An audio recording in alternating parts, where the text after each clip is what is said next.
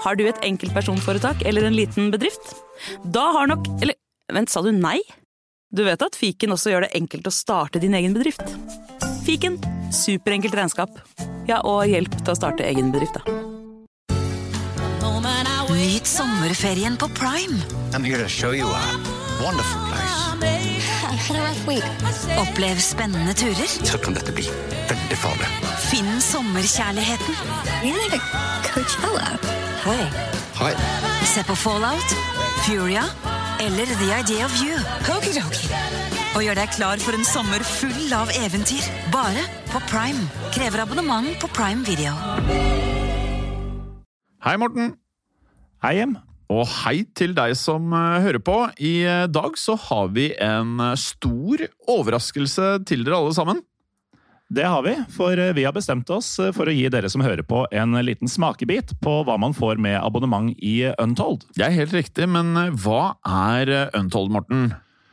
Jo, Untold det er en app der du kan høre en rekke podkaster, eh, flere titalls podkaster, helt uten reklame. Det er riktig, og ut mai måned så kan du derfor da høre episoder som du vanligvis kun hadde funnet i appen Untold. Ja, for eh, som Untold-kunde så får du nemlig en ny, reklamefri episode av Historiepodden andre verdenskrig hver eneste uke hele året. Ja, og i Untold så får du også ukentlige episoder av Henrettelsespodden og Historiepodden blant flere, samt også da miniserier som Gulltransporten og Historien om Henry Rinnan. Og apropos Historiepodden, Jim, så er det snart eh, 17. mai. Og i Historiepodden så vil man kunne høre episoden om torgslaget i Kristiania i forbindelse med nettopp eh, den datoen.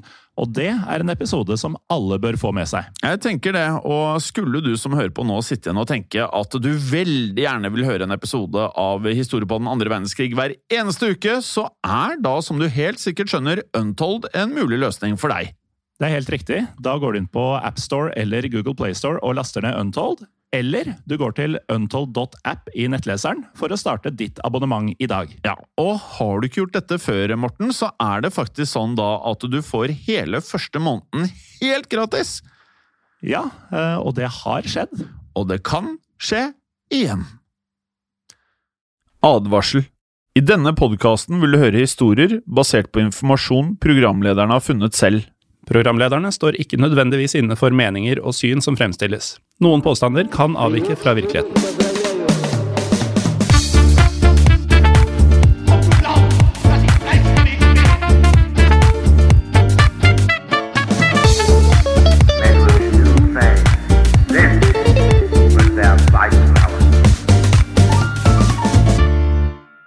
Velkommen til en ny episode av Historie på den andre verdenskrig. Mitt navn er som alltid Jim Fosheim. Og mitt navn er Morten Galaasen. Hei, Morten. Hei.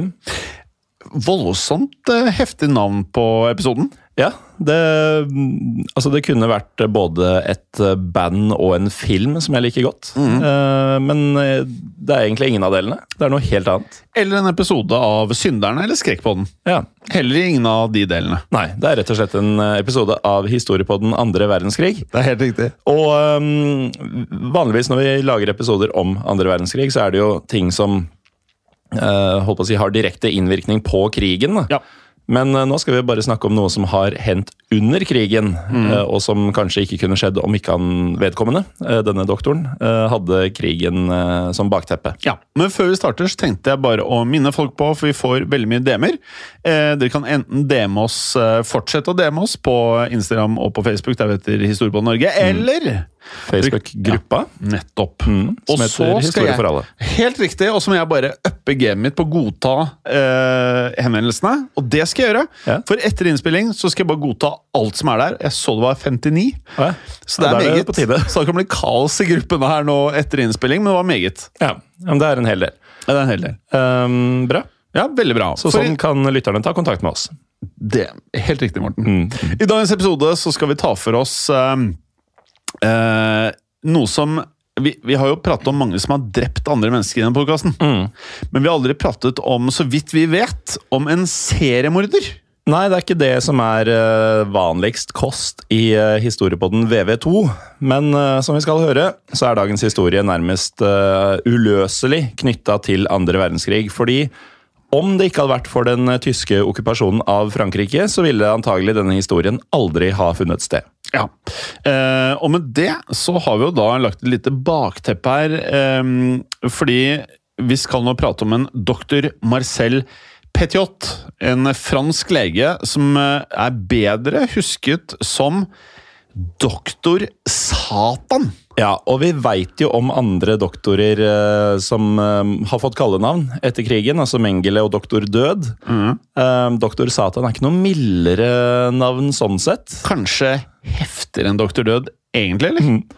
Og doktor Marcel Petiot han fikk da dette kallenavnet for å ha begått en rekke drap på mennesker som flykta fra nazistene. Og som vi da skal høre, så lurte Petiot ofrene sine til å stole på han ved å hevde at han var tilknytta La Resistance, altså den franske motstandsbevegelsen. Ja, Noe som da etter hvert gjorde at han da også havnet i søkelyset til nazistenes hemmelige politi, altså selveste Gestapo. Ja, Men før vi kommer til den delen av historien, Jim, så må vi begynne med begynnelsen.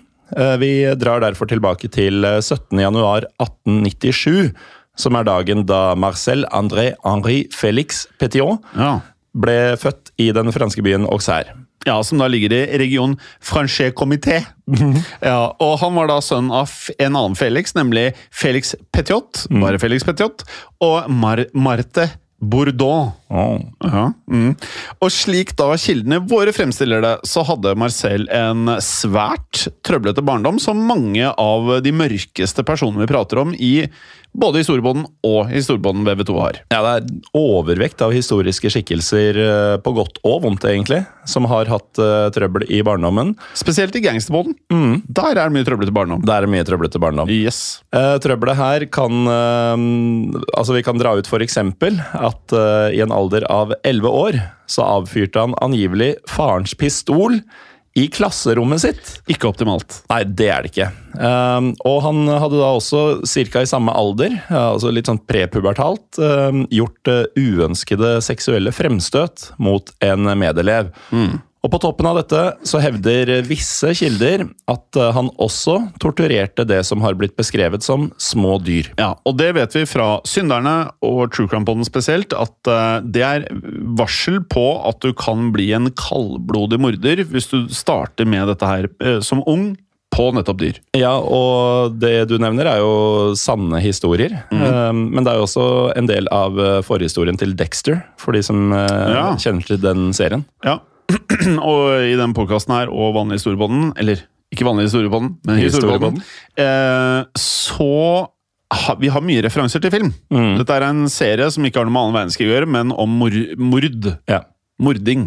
Dreping å gjøre. Myrding. Eh, myrding. Eh, og som om da det ikke var nok, så skal han også som tenåring eh, både ha ranet en postboks og blitt eh, tiltalt for eh, offentlig hærverk, også tyveri. Så det er, det er mange ting. Ja, det er det. Men uh, sånn vi forstår det, så unnslapp Marcel faktisk straff etter at han ble erklært som psykisk ustabil. Det er riktig, det. I eh, 1914 så skal dette ha blitt eh, bekreftet for andre gang av en psykiater, vel å merke da uten at kildene våre forteller klart hvilken tilstand Marcel faktisk led av. Men uh, vi kan jo da anta at de psykiske problemene var en årsak da Marcel ble utvist fra skolen ved en rekke anledninger, noe som gjorde at han til slutt ble innrullert ved det som har blitt beskrevet som en spesialskole i Paris. Ja, men han eh, ble til slutt eh, uteksaminert, eh, Morten. Mm. Faktisk i juli 1915, da Frankrike sto midt oppe i første verdenskrig. Ja, og Frankrike og Storbritannia hadde jo da vært i krig med Tyskland i et års tid, altså siden 1914, noe som hadde ført til enorme tap av liv på fransk side. Ja, og da For å erstatte falne soldater så hadde franskmennene derfor et sterkt behov for nye rekrutter. Og siden vår mann var nylig uteksaminert, så bestemte han seg også for å melde seg inn som frivillig til krigstjeneste. I januar 1916 begynte så den 19 år gamle Marcel å tjenestegjøre som soldat, noe som ikke gjorde at eh, psyken hans ble noe bedre. Nei. I 1917 så ble han nemlig såret, før han også ble utsatt for giftgass. Ja, og det er klart at uh, de, de aller fleste blir jo preget av nettopp sånne type situasjoner. Det er klart det, selv om du har et betydelig uh, mer solid fundament enn det Marcel hadde. Mhm. Så for Marcel så uh, førte dette da til at han begynte å utvise klare tegn på et i hvert fall psykisk sammenbrudd, eh, som gjorde at han da ble sendt til et eh, pleiehjem eh, som var spesialisert for nettopp soldater. Ja, men eh, i stedet for å komme til hektene på dette pleiehjemmet, så ble Marcel i stedet arrestert etter å ha blitt tatt for å ha stjålet pledd, morfin, lommebøker, fotografier og brev. Og igjen, når vi ramser opp eh, ting som folk har gjort Ja. eh, hjem, så er det ofte mm, en del ting som henger litt sammen. Ja, her hadde jeg tenkt sånn Morfin, lommebøker, jeg forstår det. Ja. Pledd, jeg kan forstå det også. Fotografier og brev. Ja, det også, men som seg selv. Altså, du stjeler fotografier og brev, og det er det du stjeler. Ja. Men i tillegg så er det da pledd og morfin, blant annet. Da. Ja. Um, deretter så ble Marcel plassert på et uh, psykiatrisk uh, sykehus i nærheten av byen Orléans. Og det sa du veldig fint, uh, Morten. Orléans. Merci. Beaucoup. Eh, før han da så ble sendt tilbake til krigsfrontene i juni 1918. Men kun tre uker senere så skal han da ha skadet foten sin, Morten, med en eh, håndgranat. Nå forventa jeg at han hadde tråkka på en spiker eller et eller annet sånt. Ja. Eh, Skade foten bare med en håndgranat? Ja. Ja. Det er synd vi ikke har mer detaljer om akkurat den hendelsen. Ja, det er alt vi vet. Eh, men eh, vi vet jo at dette her gjorde at han igjen ble sendt vekk fra fronten. Ja, og um, da har jo han vært i krig i ca. to og et halvt år, når alt dette vi har nevnt har skjedd med han. Så um, heldigvis for Marcel så tok første verdenskrig slutt i november 1918, da Tyskland omsider måtte gi seg. Og deretter så skal eh, Marcel ha fått en ny diagnose, som da gjorde at han eh, kunne gå ut av hæren med uføretrygd. Og nøyaktig hva denne diagnosen var, det sier heller ikke kildene våre spesielt mye om. Nei, eh, vi har jo um, Altså, dette er jo bare en forhistorie til den faktiske historien. Ja, så- For det er doktor Satan vi prater om her, så Ja. mye her er mye kløning og mye småting. Men eh, vi aner konturer. Detaljene kommer. Yes. Eh, Det vi har informasjon om, er at Marcel etter dette ble innrullert i et utdanningsprogram for krigsveteraner. Så i løpet av åtte måneder skal han derfor ha tatt eh, nok medisinsk utdanning til at han fikk en stilling som praktikant ved et mentalsykehus. Ja. Og I desember 1921 så fullførte han nok medisinsk utdanning til at han da på papiret ble en kvalifisert lege. Og da har vi doktoren. Og som nybakt eh, doktor så flytta Marcel så til den lille byen Villeneuve-sur-Yonne, som ligger i regionen eh, Bourgogne-Franche-Comté. Åh, Det må jeg bare prøve meg på. Bourgogne Fangé Comté. Comté. Ja. Ja. Og på dette tidspunktet så hadde han da visstnok utviklet en eh, narkotikaavhengighet. Uklart igjen hvilke narkotiske stoffer det er snakk om nøyaktig, da. Nei da. Men eh, da kommer det kanskje ikke som en overraskelse at eh, Marcel fikk et rykte på seg for å være en noe uortodoks ja, lege. Vi aner at det var eh, både det ene og andre man kunne få på resept. Mm. Og dette ryktet ble jo da forsterka av eh, at han begynte å selge forbudte narkotiske stoffer, samtidig som han utførte både småtyveri og ulovlige aborter. Riktig. Men med det sagt da, så har vi da kommet dit at historien vår tar en mørk vending, for frem til nå så har det vært mye rart. Eh, I 1926 så begikk nemlig Marcel muligens eh, det første av flere drap. Ja, og grunnen til at du sier eh, muligens her, Jim, det er at akkurat denne saken ble aldri løst. Helt riktig. Men det jeg da faktisk kan fortelle, er at en kvinne ved navn Louise Delavaux, som da var datteren av en Marcels eldre pasienter, forsvant på sporløst vis. Angivelig eh, etter at hun hadde hatt en affære med Marcel.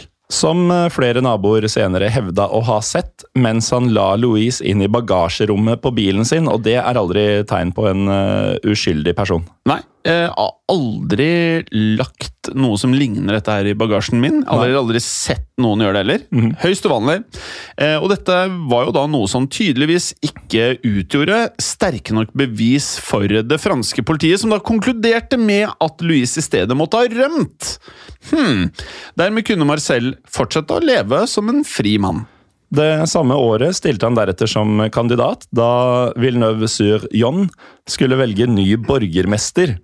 Og i forbindelse med dette valget så var ikke Marcel fremmed for å bruke skitne triks. Jeg er så glad for at du skal uttale det stedet, og ikke jeg. Ja, Ja, det, Og det kommer igjen på ja, ja, ja, ja. Du skal si det flere ganger. Eh, han skal da nemlig ha betalt en uh, ikke navngitt person uh, for å da sabotere en debatt der Marcel skulle møte motkandidaten sin. Og selv om vi ikke har mer detaljer når det gjelder akkurat dette, så kan det se ut til at sabotasjen gjorde underverker.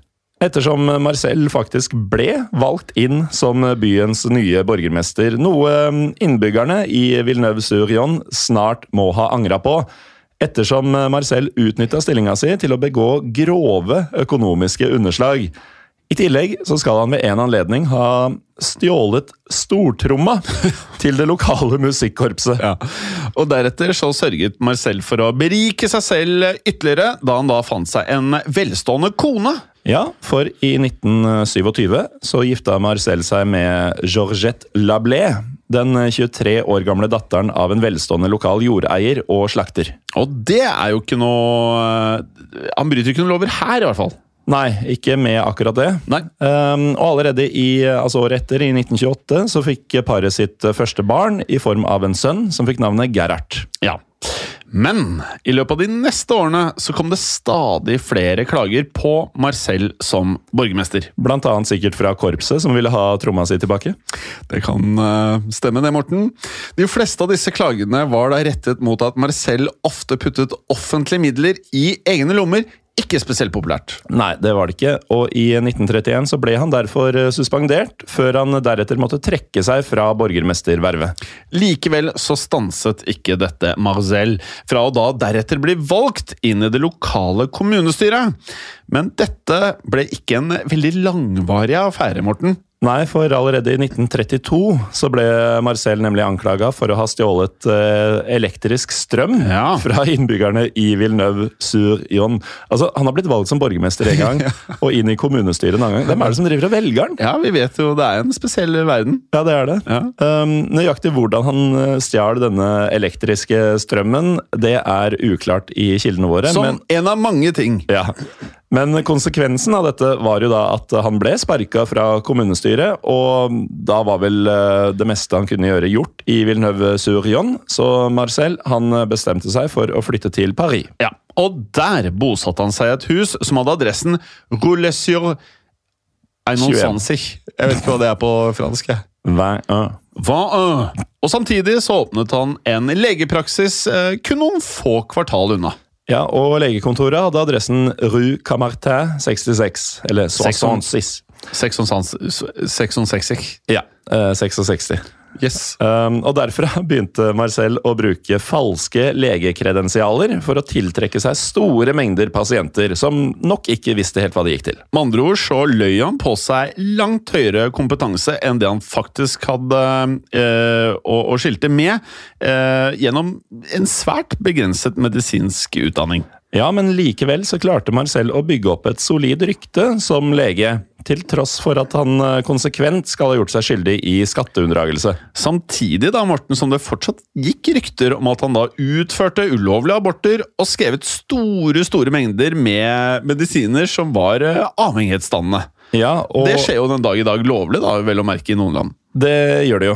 Um, jeg kan jo også fortelle, apropos um, avhengigheter, uh, at Marcel ble innlagt til behandling for kleptomani Ja. i 1936. Og um, ifølge Store norske leksikon så er kleptomani da en psykisk lidelse kjennetegna ved gjentatt sviktende kontroll over impulser til å stjele ting, ja. uten tanke på eget bruk eller uh, økonomisk vinning. Med det sagt, eh, Morten, så hopper vi nå frem til utbruddet av annen verdenskrig. Og da må vi rett og slett gi litt eh, kontekst her, før vi går videre med historien om Marcel Petion. Ja, for uh, som den årvåkne og lojale lytter vet, Ja. så starta andre verdenskrig i 1939. Og hvis du ikke vet det, så anbefaler jeg deg å høre alle episodene av Historiepodden VV2 på nytt. Rubbel og bit. Ja, dette her eh, du, må, ja, du må ha en straff, rett og slett. Ja, det, det er litt av en straff. Ja. Eh, når du er ferdig med å høre alle episodene av denne podkasten, så ja. bla gjennom Historiepodden. Ja. Eh, fordi før vi starta VV2, Ja. så lagde vi også mange andre verdenskrig-episoder der. Ja. Så, Så- hvis du da fremdeles ikke vet at annen verdenskrig starta i 1939, Så hør etter nå. så, ja. For eh, andre verdenskrig brøt ut i 1939 da Nazi-Tyskland angrep eh, Polen, noe som gjorde at eh, Storbritannia og Frankrike erklærte krig mot tyskerne. Ja, Og som kjent så gikk det først eh, veien for eh, nazistene. Ja, det gjorde det. De erobra først eh, Polen, før de deretter angrep og okkuperte Danmark, Norge, Nederland, Belgia og da ikke minst Frankrike. Ja, og Hvis du heller ikke visste det, så igjen hør gjennom alt vi har laget En gang til. En gang til. Eh, og så kan du høre videre. Eh, og, og, og da var det slik at disse her endte jo opp med å overgi seg da sommeren 1940. Og dermed så måtte franskmennene belage seg på å leve under en tysk eh, okkupasjon. Ja, og med den tyske okkupasjonen så ble hverdagen selvfølgelig svært farlig for franske jøder, som raskt ble utsatt for forfølgelser fra nazistenes side. Ja, og Frankrike de hadde omkring 350 000 jødiske statsborgere, og et antall da som utgjør flere mennesker enn det da bor i Nordland fylke. Så det er mye mennesker. altså over et helt fylke eh, med jødisk eh, befolkning. For Nordland har kun 240 000 eh, hoder. Yes, og I løpet av andre verdenskrig så ble 75 000 av disse jødiske innbyggerne deportert til eh, konsentrasjonsleirene til eh, nazistene.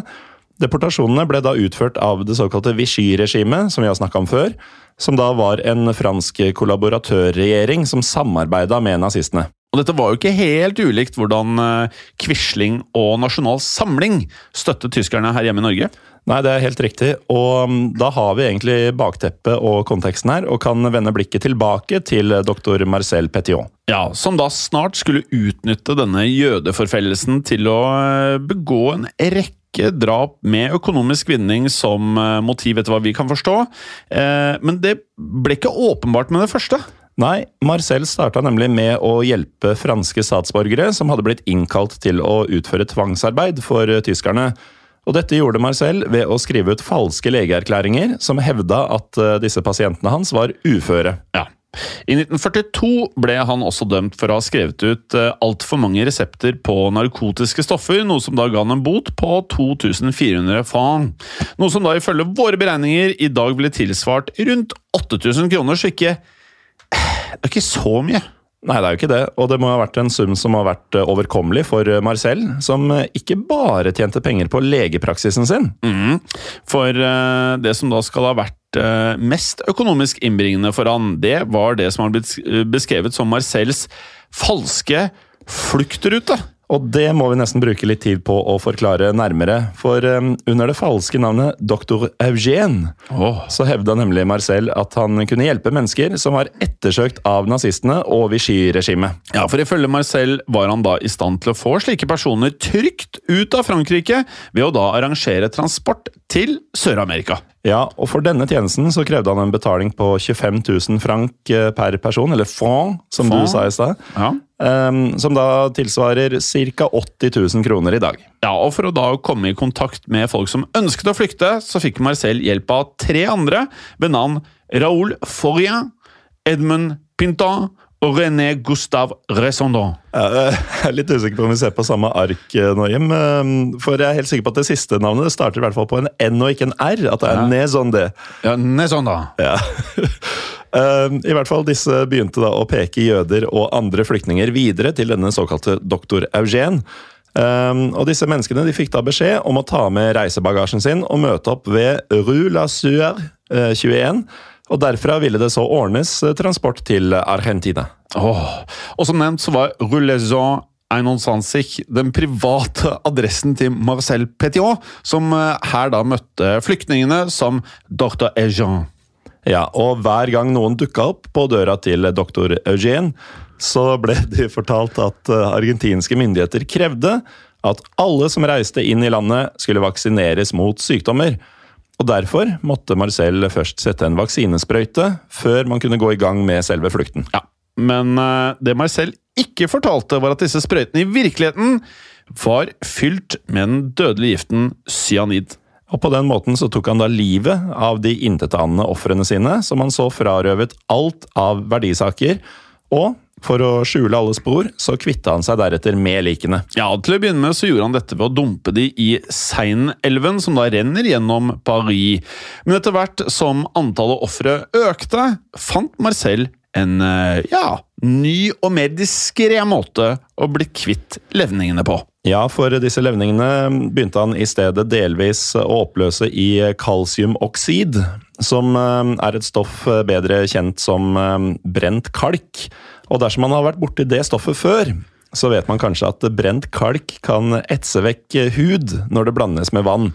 Og Deretter benytta Marcel seg av en kullovn som ble brukt til å brenne det som gjensto av levninger. Men til tross for at Marcel da forsøkte å slette alle spor etter drapene, så lyktes han ikke med å holde en eh, spesielt lav profil. I april 1943 havnet han derfor i søkelyset til nazistenes hemmelige politi, nevnte Gestapo. Og hvordan det gikk seg til, skal vi høre mer om etter en kort pause. Bienvenue tilbake. Før eh, pausen så nevnte vi at eh, Marcel havna i Gestapos eh, søkelys. For Gestapo de hadde nemlig hørt rykter om denne doktor Eugène og hans hemmelige fluktnettverk. Derfor begynte tyskerne å undersøke det de trodde var en hemmelig operasjon utført av den franske motstandsbevegelsen. Det er riktig, det. En Gestapo-agent ved navn Robert Jodkum han tvang derfor en informant ved navn Yves Dreyfus til å prøve å infiltrere dr. Eugens nettverk. Men denne planen den gikk grossalt i vasken, Gallosen, etter at Dreyfus eh, visstnok forsvant helt uten spor. Ja, Kanskje han ble lagt i brent kalk og en kullovn, for alt vi veit. En annen informant, som kildene våre ikke oppgir ved navn, han lyktes imidlertid langt bedre. Det må vi kunne si, ja. Ja, og Dette gjorde jo da at Gestapo etter hvert lyktes med å arrestere Marcels tre medsammensvorne, som du vel kalte for Raoul Fourier, Ja. Edmond Pintard Ja. og René Gustav Nézondé. det. Og under tortur så tilstå så alle disse tre at uh, doktor Eugène i virkeligheten var doktor Marcel Petion. Ja, og Fourier og Pintar de tilbrakte deretter åtte måneder i fengsel, mistenkt for å ha hjulpet franske jøder med å rømme fra landet. Men til tross da for at de ble torturerte, uh, så identifiserte de likevel ingen medlemmer av den franske motstandsbevegelsen. Og det var jo rett og slett fordi de i realiteten ikke kjente noen som var tilknytta organisasjonen, med mindre man velger å tro på det Marcel senere hevda om sin egen tilknytning til La Résistance. Ja, Men før vi kommer til den delen av historien, så kan vi da fortelle at Marcel overraskende nok ikke ble pågrepet av Gestapo. Og dette hang sammen med at nazistene ikke fant mer bevis som da kunne slå fast at han hadde hjulpet ettersøkte mennesker å faktisk flykte. Nei, og I tillegg så fant man jo heller ingen klare bevis for at han var tilknytta motstandsbevegelsen. Ja, Etter å ha blitt pågrepet, avhørt og også torturert, ble Marcel derfor sluppet fri igjen av Gestapo. Men det ble likevel snart klart at Marcel var langt fra uskyldig. I mars 1944 så begynte nemlig flere naboer å uttrykke misnøye over at det spredte seg en vond lukt fra huset hans i Rue Le Sueur eh, 21. Eller Einon Sveinsich. Sånn, og I denne sammenheng, en sånn type lukt, det er ikke optimalt. Ja, og i tillegg da til uh, lukta, så um, kom det klager på at det ofte velta ut store mengder røyk fra en av skorsteinene hans. Og Ved et av disse tilfellene så fikk én nabo omsider nok. Denne mannen het Monsier Marseille, og han kontaktet derfor politiet for å klage på denne illeluktende røyken.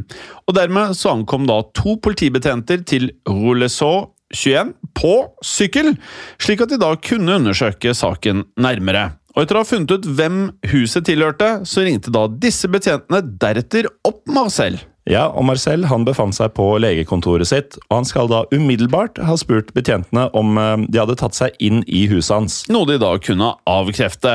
Deretter ga Marcel følgende beskjed. D'accord, ja sera la danse quince minute. Nerie fera en attendant. Ja, og eh, det kan da oversettes til ok, jeg er der om et kvarter, ikke gjør noe i mellomtida. Ja. Men før Marcel da dukket opp, ble røyken som kom fra huset så kraftig at politibetjentene så seg nødt til å da kontakte brannvesenet. Og så kom jo da brannvesenet, som da deretter tok seg inn i huset, hvor de da fant en brennende kullovn i kjelleren. Og i denne ovnen så fant brannmennene en brent menneskearm. Samtidig kom de over en haug med bein og likrester som lå i et hjørne av rommet. Ja. Og da de to politimennene fikk se disse funnene, så måtte de raskt ut på fortauet igjen for å da trekke luft. Det skjønner jeg godt. Ja, eh, Der de da støtte på en mann på sykkel som stilte dette spørsmålene til en av betjentene. Etter vous un bon français patriote? Som da, eh, etter hva jeg kan forstå, betyr 'er du god patriotisk franskmann?' Spørsmålstegn.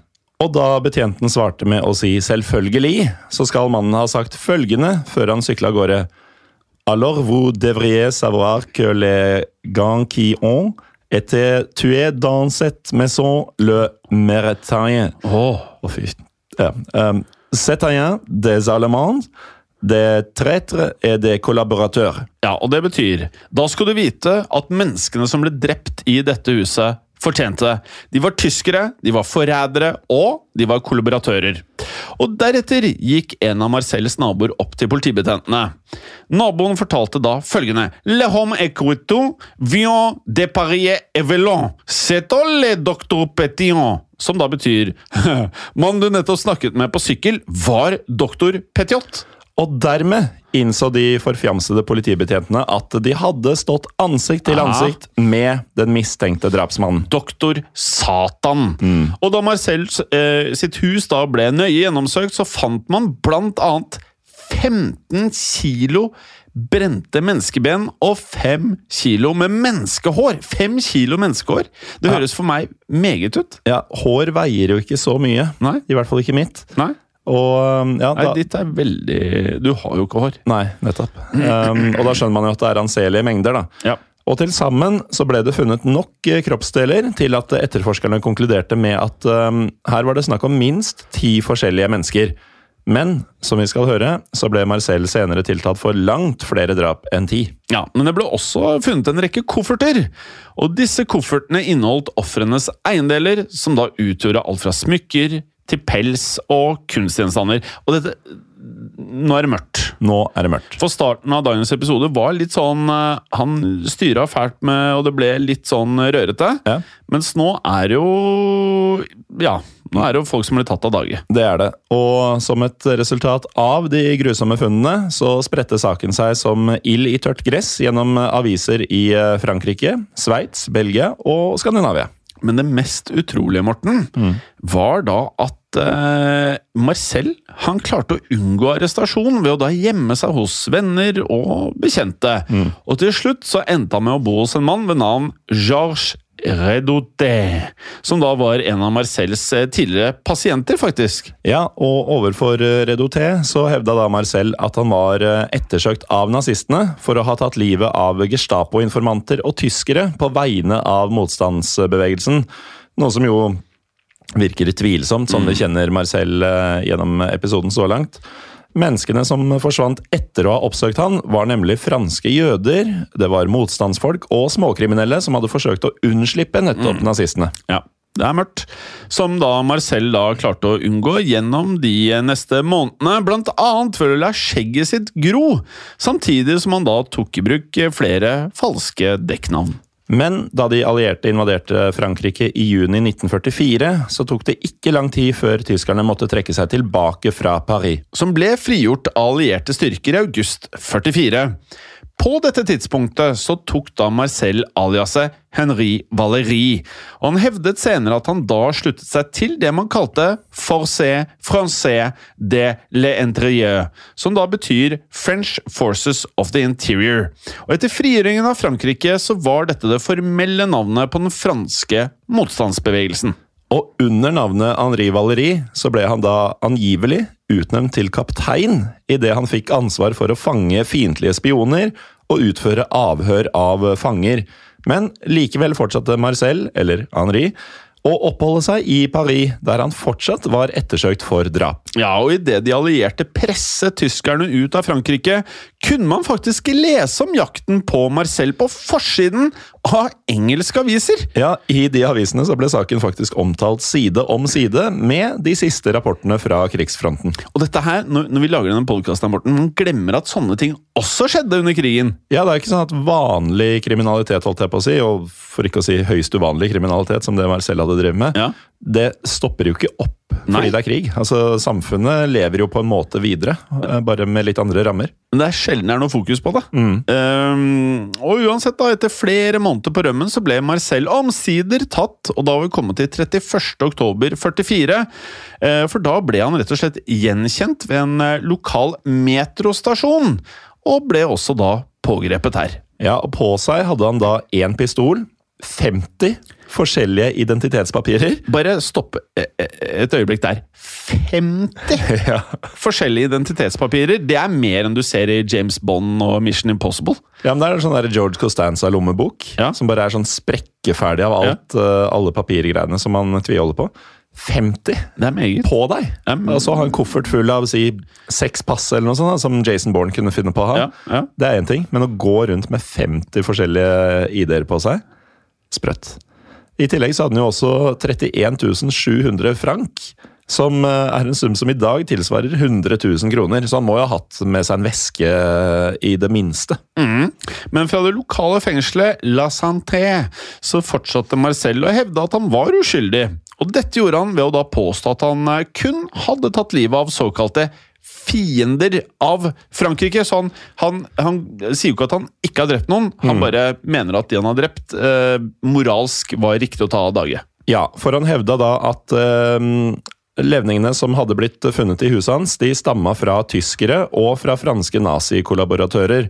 Og ifølge Marcel så hadde disse blitt likvidert av en motstandsbevegelsesavdeling som han selv var tilknytta. Ja, Dette ble likevel ikke bekreftet av politiet, selvfølgelig, som da konkluderte med at Marcel ikke hadde kontakter blant motstandsbevegelsen. Og flere av motstandsbevegelsesavdelingene som han da navnga, viste seg å heller ikke eksistere.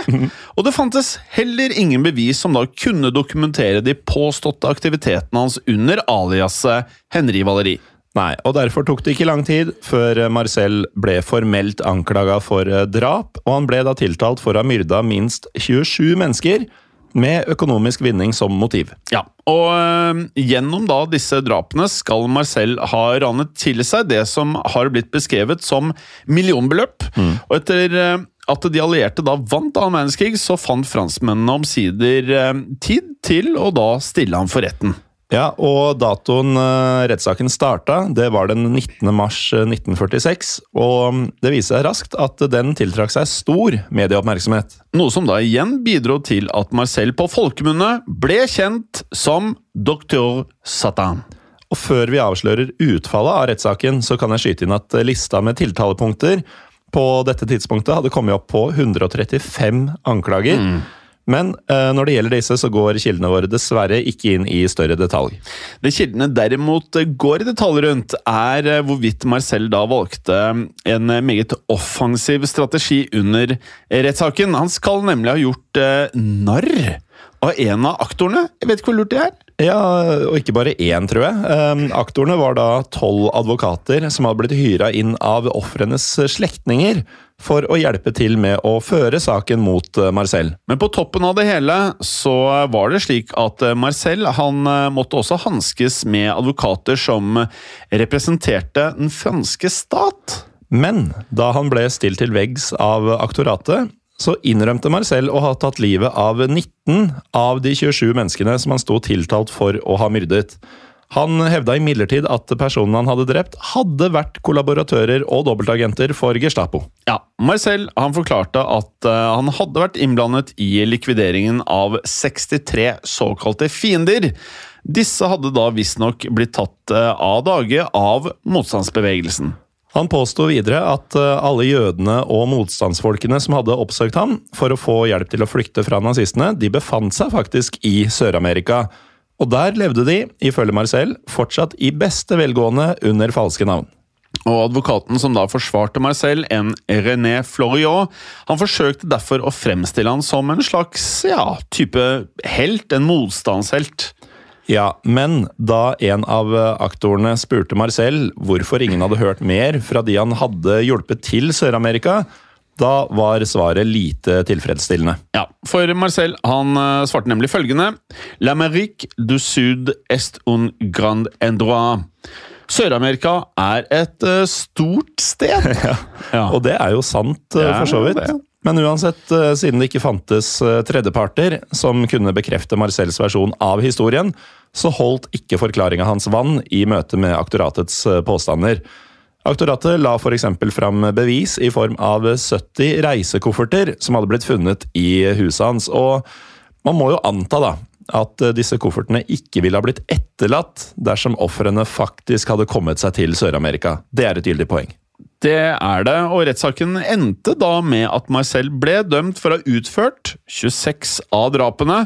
Slik vi forstår, så er det likevel mulig at han i realiteten sto bak langt flere drap. Mm. Eh, Det er faktisk blitt spekulert i at antallet ofre kan ha vært så høyt som 150 personer. Ja, så Som nevnt, de fant jo 70 reisekofferter, ehm, men bare 27 ehm, eh, drap som han ble anklaget for. Ehm, I tillegg så ble Marcel også funnet skyldig i 99 andre anklager av de totalt 135 som han sto tiltalt for. Og dette var da nok til at han ble idømt lovens aller strengeste straff. Ja, og det var på denne tiden dødsstraff, som um, i disse dager ble utført på aller franskeste vis, uh, gjennom halshugging med giljotin. Og datoen som ble satt for henrettelsen, var den 25. mai 1946. Og rett før han da skulle eh, bli tatt av dage med giljotin, så fikk Marcel muligheten til å avgi et eh, siste skriftemål foran en prest. Men dette tilbudet ble konstant avslått av Marcel, som uttalte følgende Je préfère éminer tout mes bagages avec moi pendant le voyage, som på norsk kan oversettes til Jeg vil heller ta med meg all bagasjen på reisen. Ja. Eh, og da han da ble plassert i giljotinen, skal Marcels aller siste ord ha vært dette. Regardez de l'autre cot se ne sera pas bon à. Ja, og det kan oversettes slik Se en annen vei. Dette blir ikke noe vakkert syn. Og bare noen sekunder senere så ble giljotinbladet da sluppet ned over nakken hans, og det ble slutten på Marcel André Henri Felix Petiot, bedre kjent som Doktor Satan. Han ble 49 år gammel. Men idet vi runder av, så kan vi jo nevne at det faktisk har blitt spekulert i at Marcel likevel kan ha hatt en tilknytning til motstandsbevegelsen. For under andre verdenskrig så hadde nemlig en amerikansk agent ved navn John Grombach hatt ansvaret for den hemmelige etterretningsorganisasjonen The Pond. Som er en avdeling som igjen var tilknyttet USAs The Office of Strategic Services. OSS. Som var forgjengeren til det som i dag heter The Central Intelligence Agency. CIA. CIA. Og dersom man velger å tro på Grombach, så skal eh, Marcel ha jobbet som en informant for The Pond, som bedrev spionasje mot nazistene i Europa. Ifølge Grumbach så bisto Marcel med informasjon som han da skaffet fra pasienter og diverse kontakter i Paris. Blant disse skal det ha vært flere tyske etterretningsoffiserer. Og ifølge Grumbach så bidro informasjonen som da Marcel skaffet gjennom disse, med å identifisere flere tyske spioner som befant seg i USA. Og det faktum at eh, The Office of Strategic Services ved flere anledninger benytta seg av forbrytere som agenter, det kan muligens sies å styrke denne teorien. Men Grombachs eh, påstander har likevel aldri blitt fullstendig dokumentert, og hvorvidt det er noe sannhet i dem, kan man derfor kun spekulere i. Det vi derimot kan konstatere, uten tvil, det er at eh, Marcel Petiot fortsatt huskes som en av de verste seriemorderne i fransk historie. Og dersom noen av dere som eh, hører på dette, vil vite mer om denne historien, så kan vi runde av med en eh, filmanbefaling. Det kan vi. Vi kan foreslå Docteur Petiot, en fransk film fra 1990 som handler om nettopp, ikke overraskende, doktor Marcel Petiot. Og den kan faktisk eh, nå, i september 2022, eh, ses på Netflix. Ja, eh, jeg tror faktisk jeg skal se den. Jeg har ikke sett den sjøl, men eh, gjennom hele denne episoden så har jeg tenkt liksom det, Dette er, er noe som hadde gjort seg godt som en film. For det er så ekstremt mye av dette her. Og spesielt i starten så er mye av det nesten mer tullete enn det er mørkt. Ja, det går liksom bare skeis for den. Ja. Og så blir det bekmørkt. Mm, ja, det gjør det. Eh, Det er jo en historie om eh, altså vi, Han fikk jo flere mm, uklare eller uspesifiserte diagnoser tidlig i livet. Eh, Det er jo lett å tenke at dette er historien om en rett og slett psykopat, eller sosiopat. Um, Uansett, eh, Jim, så er det sånn at uh, det her har skjedd. Det kan vel kanskje skje igjen. Ha det. Ha det bra. Historiepodden ønsker å takke følgende. Dere som hjelper oss som sitter i produksjonen. Dere som hjelper oss som sitter i redaksjonen, inkludert eh, tekstforfattere. Det er helt riktig. Og dere som sitter på marked, som faktisk da gir oss muligheten til å drive med Historiepodden. Og selvfølgelig alle dere som hører på. Tusen takk. Moderne media. Hei, og takk for at du hører på denne podkasten. Bøddel er en eh, miniserie som tidligere har blitt publisert i Untold, men ut mai vil du få tilgang til denne samt en rekke andre miniserier og ukentlige episoder av Moderne Media sine podkaster. Du finner Bøddel og andre podkaster som Henrettelsespodden helt reklamefritt i Untold. Som en liten smakebit så får du hver uke i mai en ny episode av disse podkastene, som vanligvis kun er tilgjengelig for Untold-abonnenter. Hvis du liker det du hører, så bør du laste ned Untold, eller gå til untold.app for å starte ditt abonnement i dag.